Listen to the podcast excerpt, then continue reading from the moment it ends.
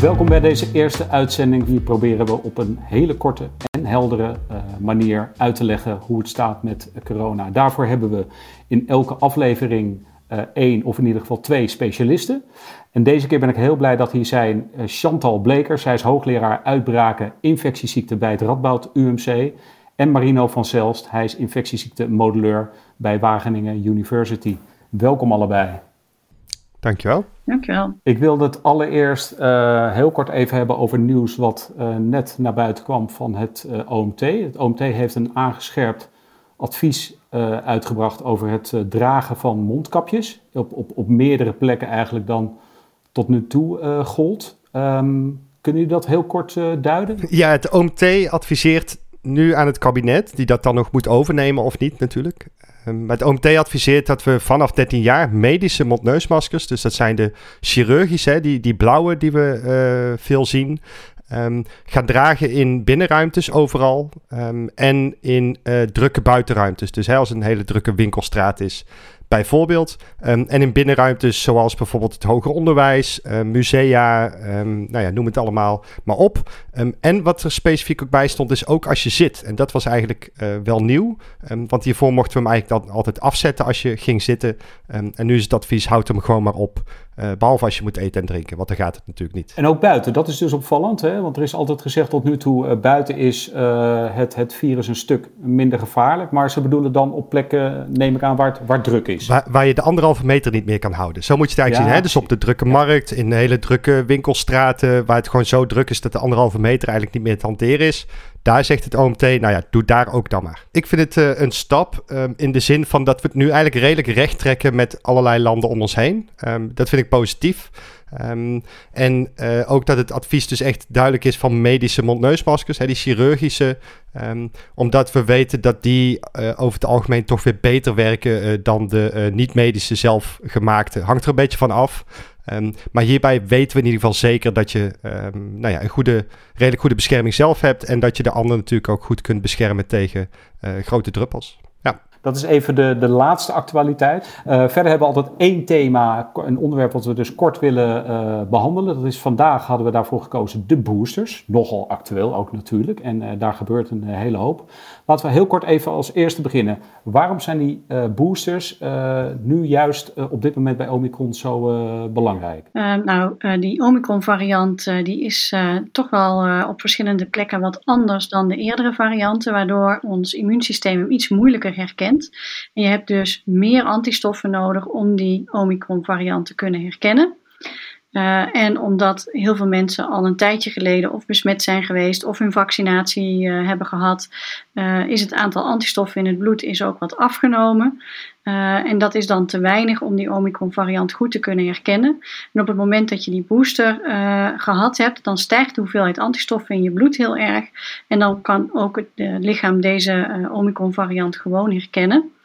Uh, ook je T-cellen krijgen, uh, een ander stukje van de afweer, krijgen een, uh, ja, een boost, zullen we maar zeggen. waardoor ook dat um, deel van de afweer beter gaat werken tegen deze variant. En dat zorgt er dan samen weer voor dat je het en gemakkelijker herkent, minder gemakkelijk uh, de infectie oploopt en daarmee dus ook minder gemakkelijk doorgeeft aan een ander. En dat de kans dat je ermee in het ziekenhuis terechtkomt op het moment dat je besmet bent, uh, dat die ook weer uh, duidelijk afneemt. Ik hoor heel vaak T-cellen roepen. Hè? Kun je heel kort zeggen wat dat is? Ja, je hebt eigenlijk twee, je hebt wel meerdere onderdelen van de afweer, maar er zijn twee onderdelen die bij corona heel, van, heel erg van belang zijn. En dat zijn de B-cellen die de antistoffen maken. En die zijn met name van belang om het virus uh, snel te herkennen en snel een reactie op gang te brengen. Die zorgen er ook voor dat je minder gemakkelijk besmet raakt. En die T-cellen, die zijn er uiteindelijk voor nodig om dat virus snel op te kunnen ruimen. Um, en die zijn eigenlijk belangrijker nog weer voor het stukje uh, bescherming tegen ernstige ziekten. Dus dat je longen niet te veel worden aangetast, dat je niet in het ziekenhuis terechtkomt en niet overlijdt. Ze hebben wel elkaar nodig, ze werken ook intensief samen. Uh, maar dat is in uh, grote lijnen hoe, die twee delen van het afweersysteem uh, hier een rol spelen. Ja, kijk, wat we natuurlijk duid duidelijk in die data zien, zeker in Engeland uh, bijvoorbeeld, is dat um, de bescherming tegen een infectie um, eigenlijk echt gereduceerd wordt tot bijna niets um, als je de booster niet gehad hebt. En met de booster zien we dat die in eerste instantie echt weer omhoog vliegt tot richting de 60, 70 procent. Hè, dus dat is echt een hoop. Um, uh, extra bescherming weer. Dat zorgt ervoor dat um, er minder mensen uh, besmet raken, die het dan ook weer niet kunnen doorgeven. en dat is wel cruciaal. Het is niet alleen bescherming voor jezelf, maar je zorgt er ook voor dat je niet onderdeel wordt van zo'n keten van besmettingen die uiteindelijk weer bij een persoon terecht zouden kunnen komen die een stuk kwetsbaarder is. En dat is natuurlijk het tweede onderdeel. Het is ook een soort verantwoordelijkheid voor de groep die je neemt uh, met een booster. Ja, wat we ook duidelijk zien, en dat is wel heel mooi, is dat um, de vaccineffectiviteit tegen opname met de booster ongeveer terugloopt, uh, terug omhoog loopt tot 90%. En dat is eigenlijk het soort bijna oude niveau um, wat we al kenden um, tegen de Delta-variant. Ja, dat is wel echt veelbelovend. Dat dat weer echt tot zo'n hoog niveau uh, terugkeert. Want ik zie een heleboel mensen uh, roepen, ja, maar ik zie de ziekenhuisopnames nog steeds teruglopen. Dus waarom moet ik nu die booster dan nemen? Ja, kijk, in Nederland hebben we natuurlijk best wel veel maatregelen op dit moment met de harde lockdown. Um, in landen waar we dat niet zien, zoals bijvoorbeeld de Verenigde Staten, um, Frankrijk, een aantal andere landen, Engeland bijvoorbeeld, zien we toch het aantal opnames wel echt sterk oplopen. Um, in, niet in alle landen zien we dat, um, maar in de meeste landen wel. Zeker landen die ook veel op ons lijken. En uh, ja, daarom zijn die boosters nu ook belangrijk, omdat we met die maatregelen natuurlijk tijd probeerden te kopen, uh, zodat we die boosters zo snel mogelijk konden uitrollen. in de hoop dat de bescherming daarna zo goed is dat we weer een stuk van de maatregelen kunnen afschalen, zonder dat het gelijk uh, nou ja, de bocht uitvliegt, om het maar zo te zeggen.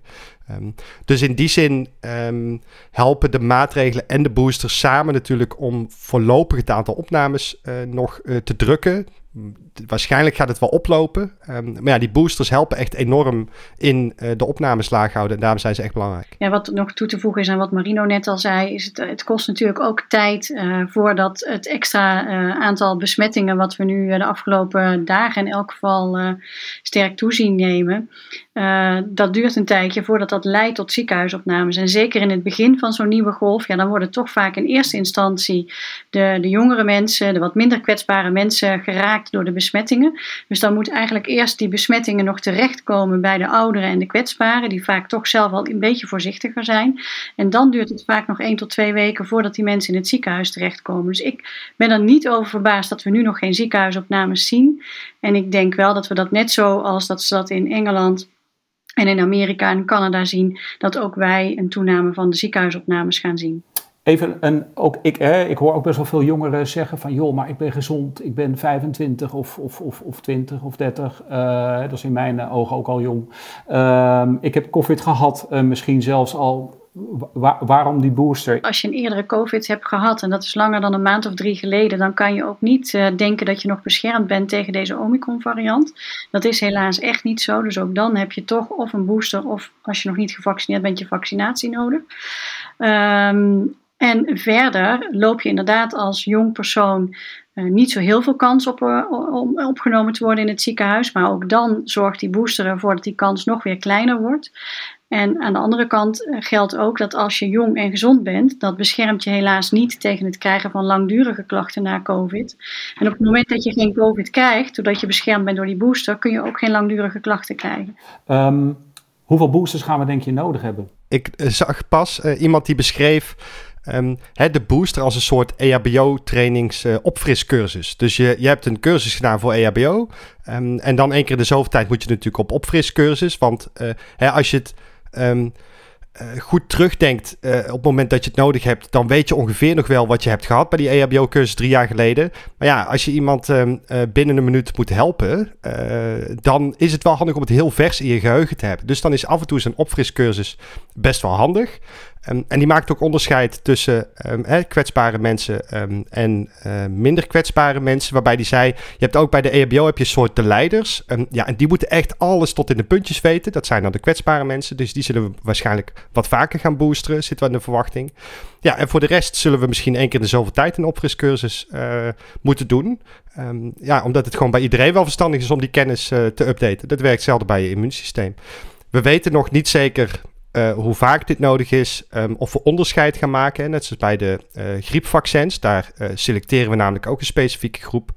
Um, ja, daar zullen we de komende tijd achter moeten komen wat noodzakelijk is om dit virus onder controle te houden. Wat ik ook wilde vragen, Chantal, dat is misschien als eerste voor jou het meest relevante. er zijn natuurlijk ook veel mensen die zijn voor verschillende redenen bang voor het vaccin.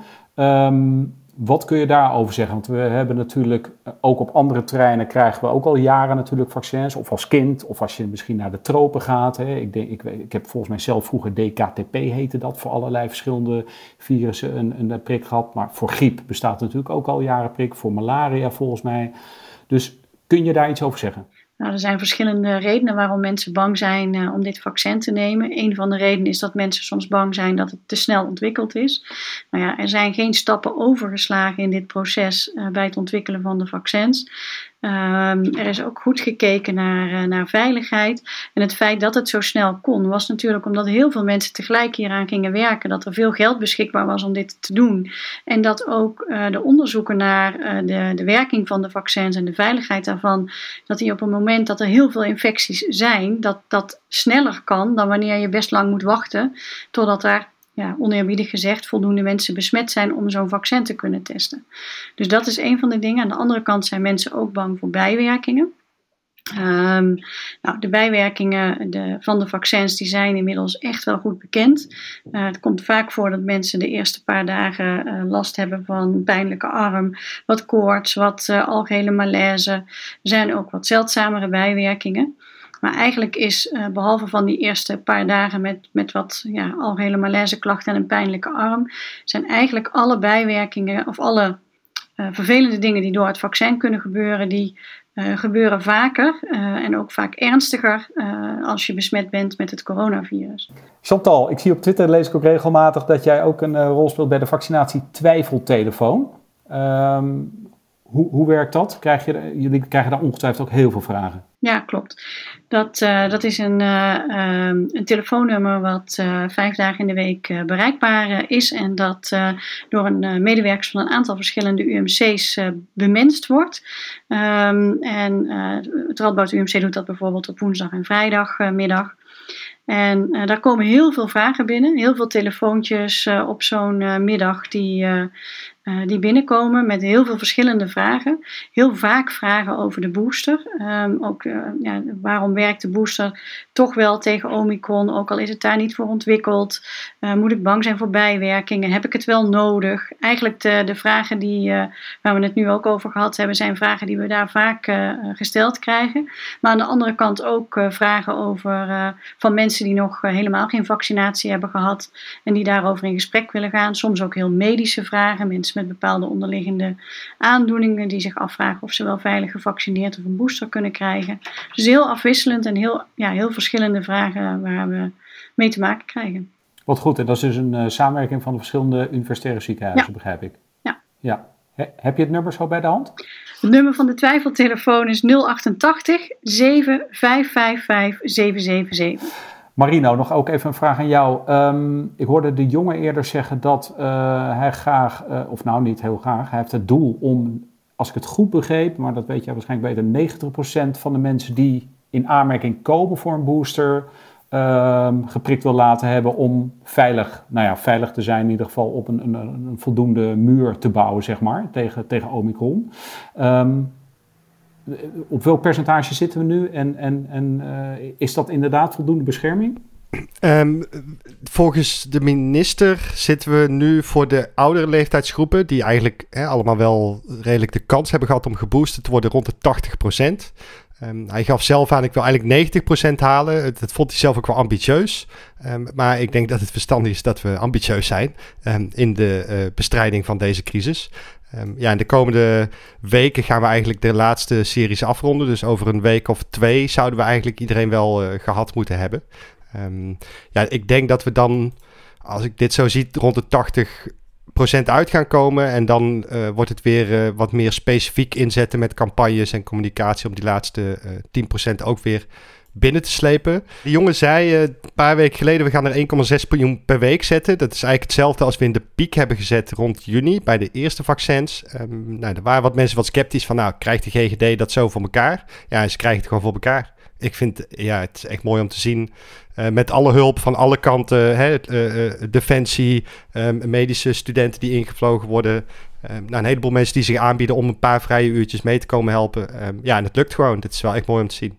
Ehm, je leest ook dat over de invloed op de menstruatiecyclus. daar hoor je ook het een en ander over. Kun je, kun je daarop ingaan?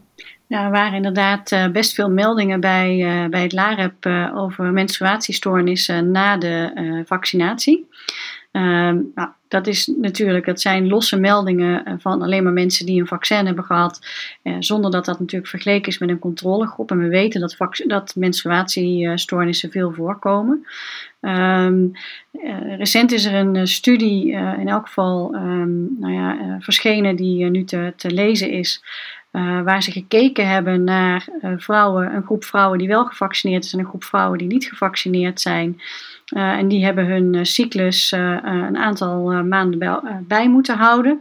En dan zie je dat er bij de vrouwen die gevaccineerd worden, dat er een, ehm, gemiddeld een, een, ja, een verandering van de duur van de cyclus is van minder dan een dag. Nou, wat gemiddeld genomen echt niet relevant is. Ehm, maar wat natuurlijk voor een individuele vrouw meer kan zijn dan die, dan die ene dag. En dat er geen verschil was in de duur van de menstruatie zelf. En ook dat het een kortdurende uh, verandering was. En dat is ook wel iets wat je kent um, uh, als je zeg maar je immuunsysteem, als je immuunsysteem hard aan het werk is. Dan kan dat ook uh, je hormoonhuishouding enigszins beïnvloeden. Waardoor die menstruatie tijdelijk een beetje anders kan zijn. En dat zie je bijvoorbeeld ook na een corona-infectie zelf. Dankjewel, dat is een heel helder antwoord. Chantal en Marina, mag ik jullie hartelijk danken voor uh, deze korte, heldere update door twee specialisten uit het veld. Fantastisch. Graag gedaan.